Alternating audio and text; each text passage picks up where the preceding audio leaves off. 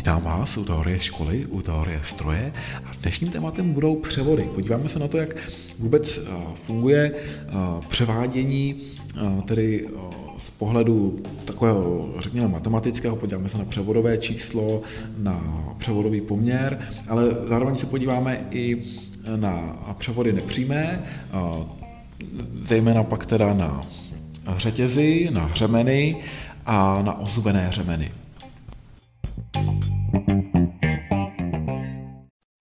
Co to vůbec tedy takové mechanické převody vlastně jsou? Jedná se o zařízení, které nám umožňuje propojit ten hnací stroj a hnaný stroj. To znamená tedy, ty převody slouží k distribuci, rozdělování energie právě z toho hnacího stroje na ten pracovní stroj, takže vlastně tu energii rozdělují nebo někdy pouze přenáší. A často je to právě z toho důvodu, že rychlost, třeba unová rychlost toho hnacího stroje vůbec nesouhlasí s rychlostí potřebnou pro ten hnaný stroj. A potom tedy potřebujeme nějak převést ty otáčky, takže buď se říká, že převádíme ty otáčkové frekvence do pomala, to potom využíváme takzvaných reduktorů, což je právě název převodu, které mají tuto vlastnost. No a potom můžeme samozřejmě i převádět takzvaně do rychla, to znamená, že ten výsledný stroj se zrychlí. Už teďka můžu prozradit, že to bude právě tím, že bude mít menší průměr než ten pastorek, neboli právě to kolo toho hnacího stroje. A tady ty převody se nazývají multiplikátory. Mechanické převody bychom si mohli rozdělit do dvou hlavních skupin v závislosti na typu spojení. Buď tam může docházet právě k tomu spojení třeba pomocí zubů, a to je takzvané tvarové spojení, anebo pomocí toho tření, to je třeba nějaký řemen, a potom už to máme řazeno do takzvaných třecích silových spojení. Takže jak je vidět, i tady se aplikuje ten takové to trochu řazení na tři typy styků, na ten silový, tvarový a materiálový, s tím, že materiálový tady není, ale ten tvarový a třecí silový, což je de facto ten silový styk. U toho tvarového spojení tam to ještě můžeme dál rozdělit na přímé neboli kontaktní převody a nepřímé převody, kdy ještě tam je mezi tím teda nějaký další člen. Případem těch přímých neboli kontaktních převodů jsou samozřejmě třeba i ty ozubené převody, klasicky ozubená kola, tak ty patří mezi tvarová přímá spojení a mezi ta nepřímá spojení patří třeba řetěz. Nebo dneska docela už se prosazující ozubený řemen, což je teda výjimka, je to vlastně řemen, ale zároveň má tvarové spojení, z jedné strany do něj totiž můžou zapadnout zuby daného ozbeného kola, ale na druhou stranu je vyrobený z pryže a jinak tedy se chová jako běžný hřemen, takže třeba i není hlučný oproti řetězu. Dále tou druhou skupinou, kromě těch převodů tvarových, jsou převody, které se převádí tou třecí silou, takže tam zase můžeme mít přímé neboli ty kontaktní převody, a nebo můžeme mít nepřímé, to jsou právě ty řemeny. To jsou řemenové převody nebo dokonce lanové převody, takže bychom lankem to natáhli. A u těch přímých třecích silových spojení to jsou potom třecí převody, takže když já si představím, že bych měl dva válce, jeden menší, druhý větší, a ideálně by tam eh, byl velmi vysoký ten třetí koeficient a začal bych tedy vzájemně, eh, nebo jedním otáčet, tak oni by se začali vzájemně otáčet, to by bylo právě to eh, třetí silové spojení přímé, ale přirozeně my máme snahu to podpořit tím tvarovým spojem a proto se využívají právě ta ozbená kola. Eh, když se podíváme na to obecné schéma, tak zde máme tedy hnací stroj, potom eh, nějakou spojku, která to napojí na tu převodovku nebo převodovou skříň. No a dále z té převodovky zase vede další spojka, která to propojí s pracovním strojem.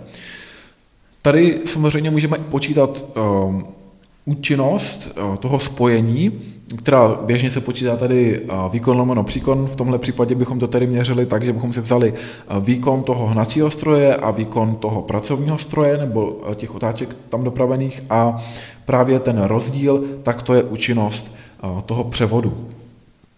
Máme zde i takzvaný převodový poměr, značí se jako malé i, a to je podíl těch otáček na tom hnacím stroji a otáček na tom pracovním stroji. Tady se to tedy běžně značí jako N1 lomeno N2, ale přitom to není jenom počet otáček, ale je to počet otáček za nějaký časový interval, třeba za sekundu, za minutu, takže je to de facto frekvence, je to vlastně eh, frekvence eh, toho pastorku, eh, která se značí jako N1, neboli toho ozbeného kola nebo hnacího kola, a, které je právě u toho zdroje.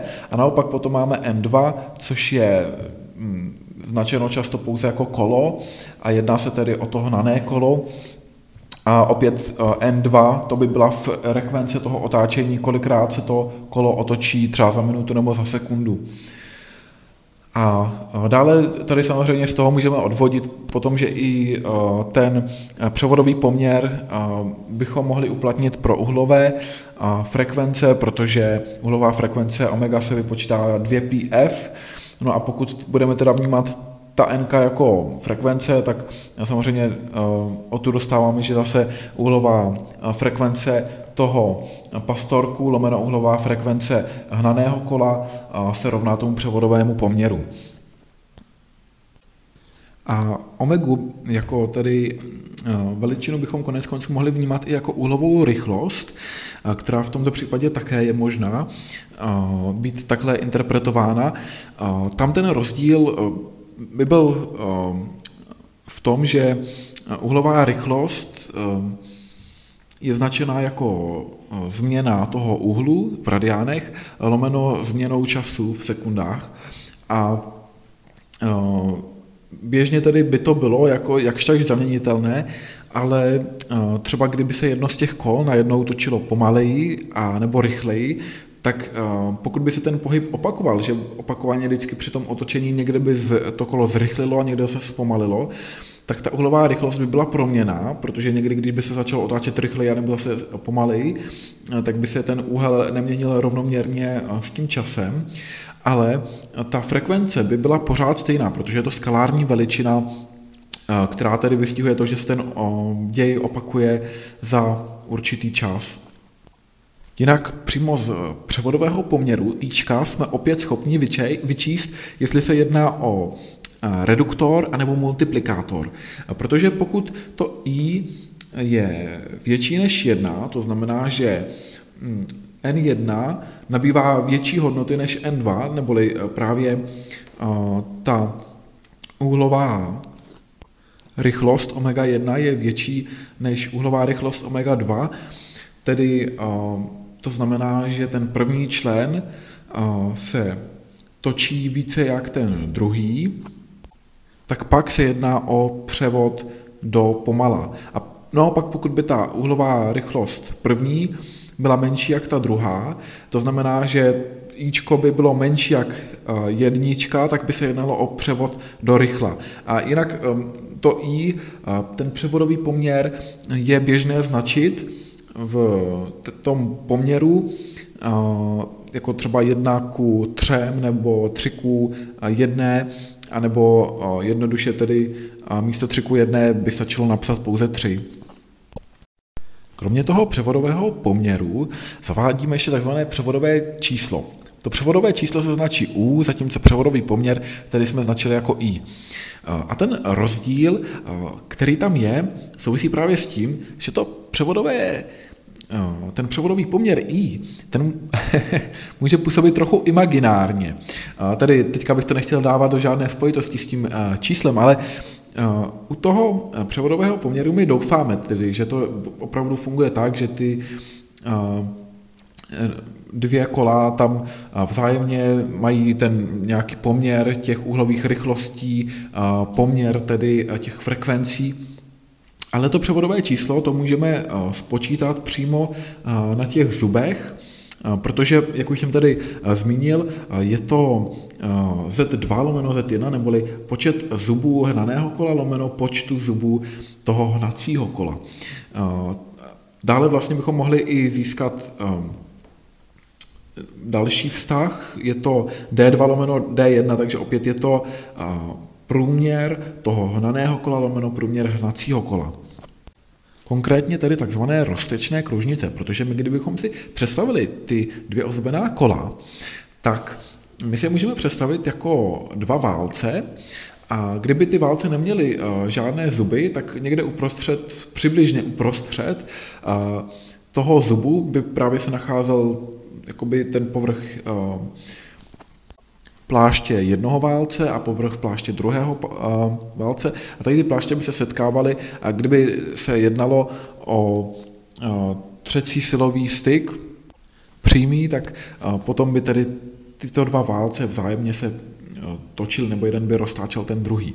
No a právě tady to místo, kde se setkávají ty dva válce, kdyby tam nebyly ty zuby, takže by to bylo přibližně uprostřed, tak to se nazývá jako ta takzvaná roztečná kružnice buď toho pastorku, to je teda to D1, nebo toho hnaného kola, neboli často se to značí jenom jako kolo, což je D2. Ten důvod, proč my můžeme trochu možná více spoléhat na to převodové číslo, než na převodový poměr, je i z toho důvodu, že někdy může docházet k prokluzu, že eh, ta kola vzájemně mohou prokluzovat, což tedy zvlášť eh, potom můžeme pozorovat u těch třecích spojení, eh, to znamená u těch hřemenů, pokud nebudeme brát v úvahu přímé spojení, ale to nepřímé.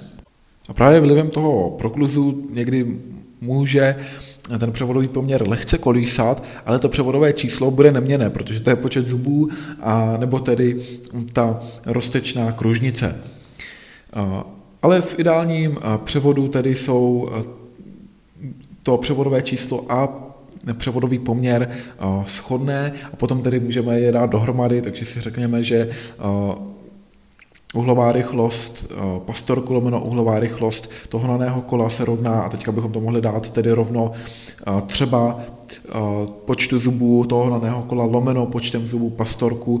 A takto bychom mohli vyjádřit mnoho těch různých vztahů, které jsme teďka zjistili takovémto ideálním eh, případě bychom tady počítali, že i ty síly tam eh, jsou stejné, pokud síla, která působí na eh, ten pastorek, je stejná i na tom druhém kole, tak potom bychom mohli rozšířit to převodové číslo, které tedy obsahovalo i vztah D2 lomeno D1, to znamená právě ta roztečná kružnice hnaného kola lomeno roztečná kružnice pastorku, a pokud dáme, že f krát d je tedy ten moment, moment krutu, tak v tomto případě e, můžeme opět ty kroutící momenty dát do rovnosti, protože budeme počítat, že tam působí ta síla stejná v ideálním případě, v ideálním e, převodu.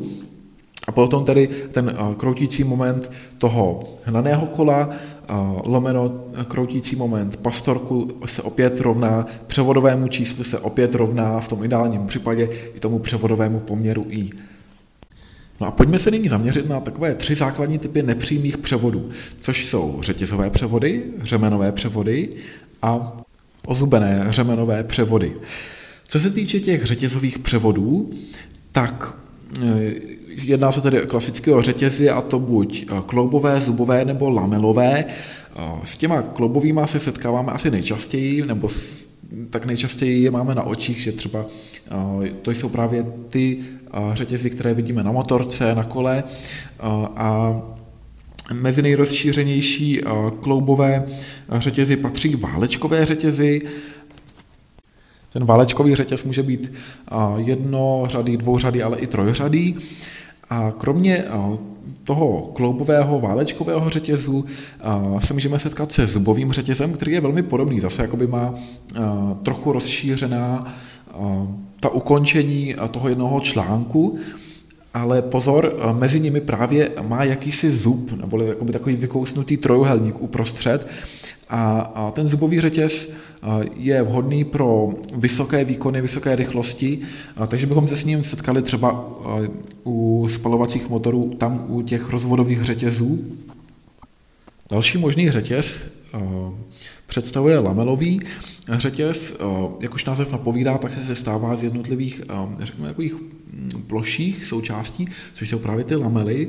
A nejsou tam žádné výstupky nebo rozšíření po těch stranách, ale naopak uprostřed a to z toho důvodu, že se využívá zejména pro variátory, což jsou právě převodovky, třeba se používají ve skutrech nebo mm, azijská auta je někdy využívají, kdy ta převodovka funguje na principu jakoby rozšiřování nebo naopak zmenšování přibližování se dvou kuželů a to znamená, že tam ten řetěz se musí zkrátka jakoby dostat přes část, která je plochá, takže tam se nepotřebuje do, do ničeho jakoby zasekávat nebo uchytávat, na rozdíl od těch předešlých řetězů.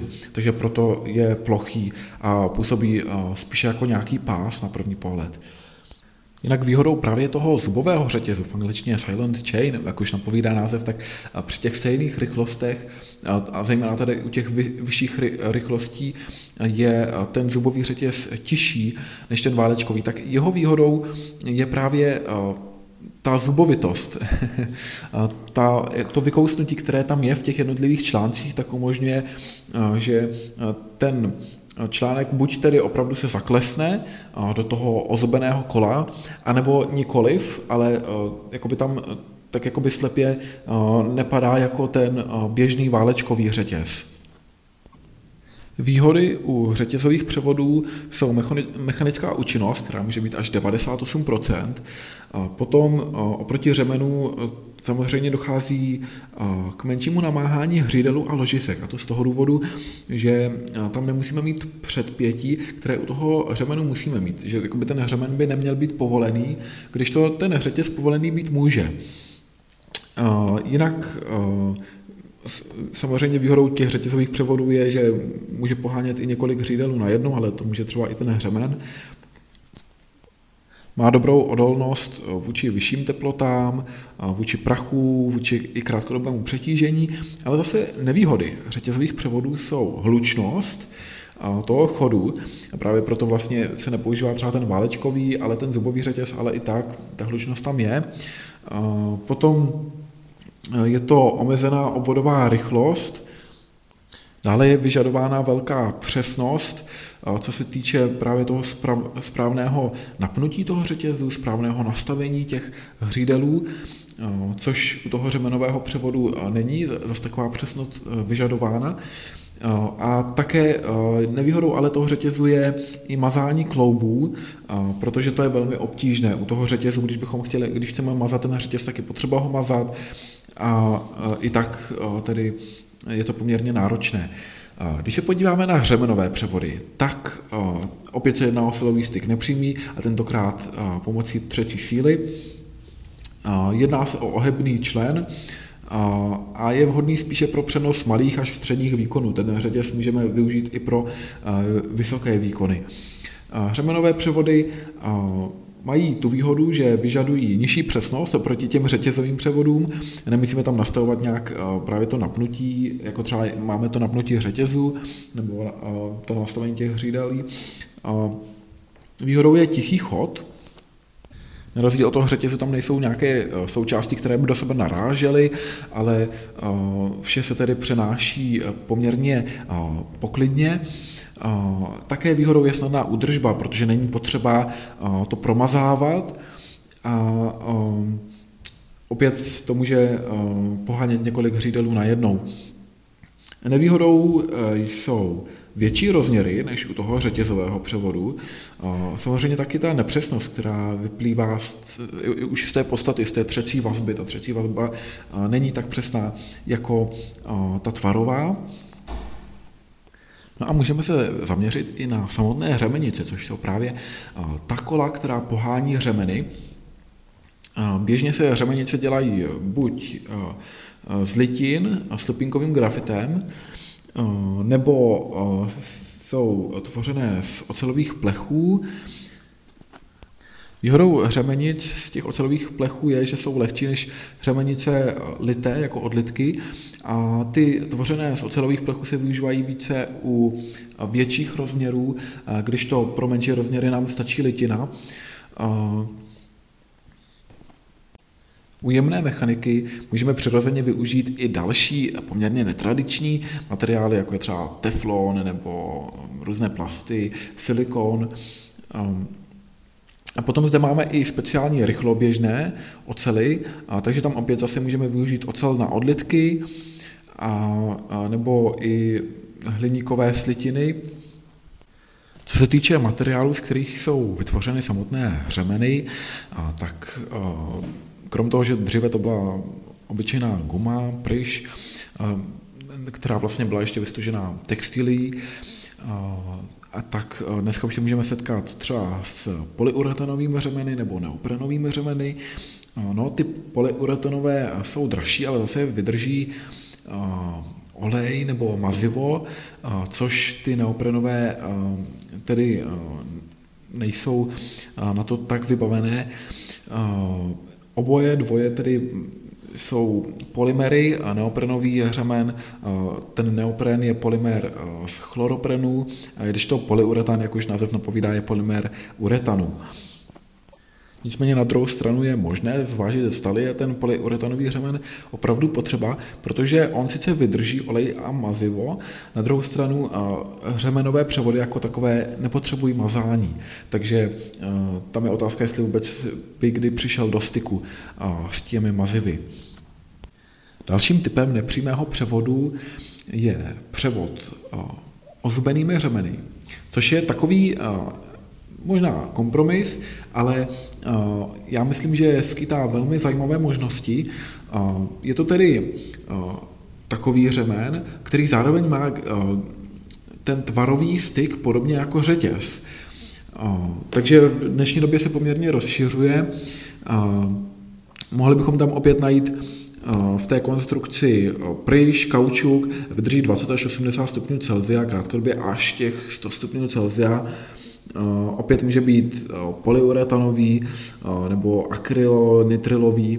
A ta Eh, výroba spočívá opět eh, ve výrobě uzavřeného eh, nekonečného tvaru, takže zde je taková jistá nevýhoda v tom, že nelze rozšířit, po případě zkrátit o určitý počet článků na rozdíl od řetězu.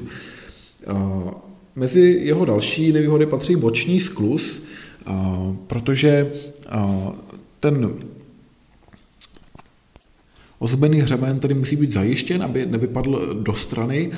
Pokud eh, je eh, umístěn tak, že ta jeho osa, nebo tedy eh, lépe řečeno osa té hřemenice je, je víceméně kolma na vektor gravitačního zrychlení, tak pak je vše v pořádku. Nicméně pokud je s ním rovnoběžná, to znamená, že bychom tedy eh, ten převod naklopili, jakoby, takže by byl naležato, že naležato by se točil a točily ty kola eh, s tím ozubeným řemenem, tak potom je eh, třeba zajistit obě dvě ta kola nebo ten pastorek a to hnané kolo přírubou, tak aby právě ten řemen nevypadl.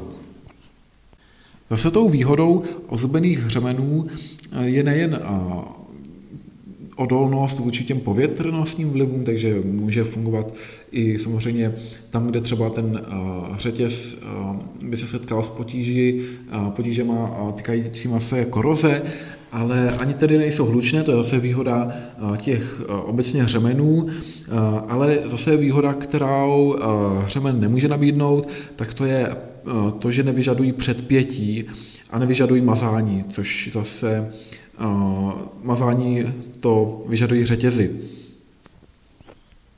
A samozřejmě tou velkou výhodou je, že na rozdíl od běžného řemenu zde nedochází k prokluzu. Co se konstrukce týče, tak ten ozdobený hřemen nebo to ozdobení samotné by nemělo překročit drsnost 1,6 RA 1,6 mikrometrů a také kdybychom se podívali na průřez, tak bychom zjistili, že se tam ještě nachází nosná ocelová vložka, která má průměr žádná celá 3 nebo žádná celá 6 mm. Doufám, že vás tato epizoda zaujala, něčím obohatila. Možná, že to byly uh, jednotlivé definice těch převodových čísel, že je to tedy uh, ten počet zubů hnaného kola lomeno počtem zubů kola hnacího nebo toho pastorku.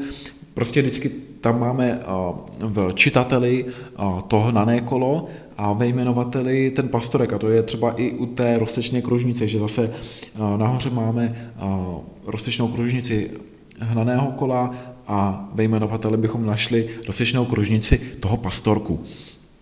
Možná, že vás zaujaly ty typy řetězů, lamelový řetěz, válečkový řetěz, což je teda typ toho kloubového řetězu, zubový řetěz, řemenové převody, ty řemenice, ať už je ta litin, litinová z toho lupínkového grafitu nebo z ocelových plechů svařovaná, to jsou ty větší, po případě právě i ty hliníkové odlitky, Možná, že to bylo rozdělení na reduktory a multiplikátory, kdy reduktory jsou ty typy převodů, které to převádí takzvaně dopomala a naopak multiplikátory do rychla, což opět závisí i na tom převodovém poměru Ičku. Já vám přeji pěkný zbytek dne.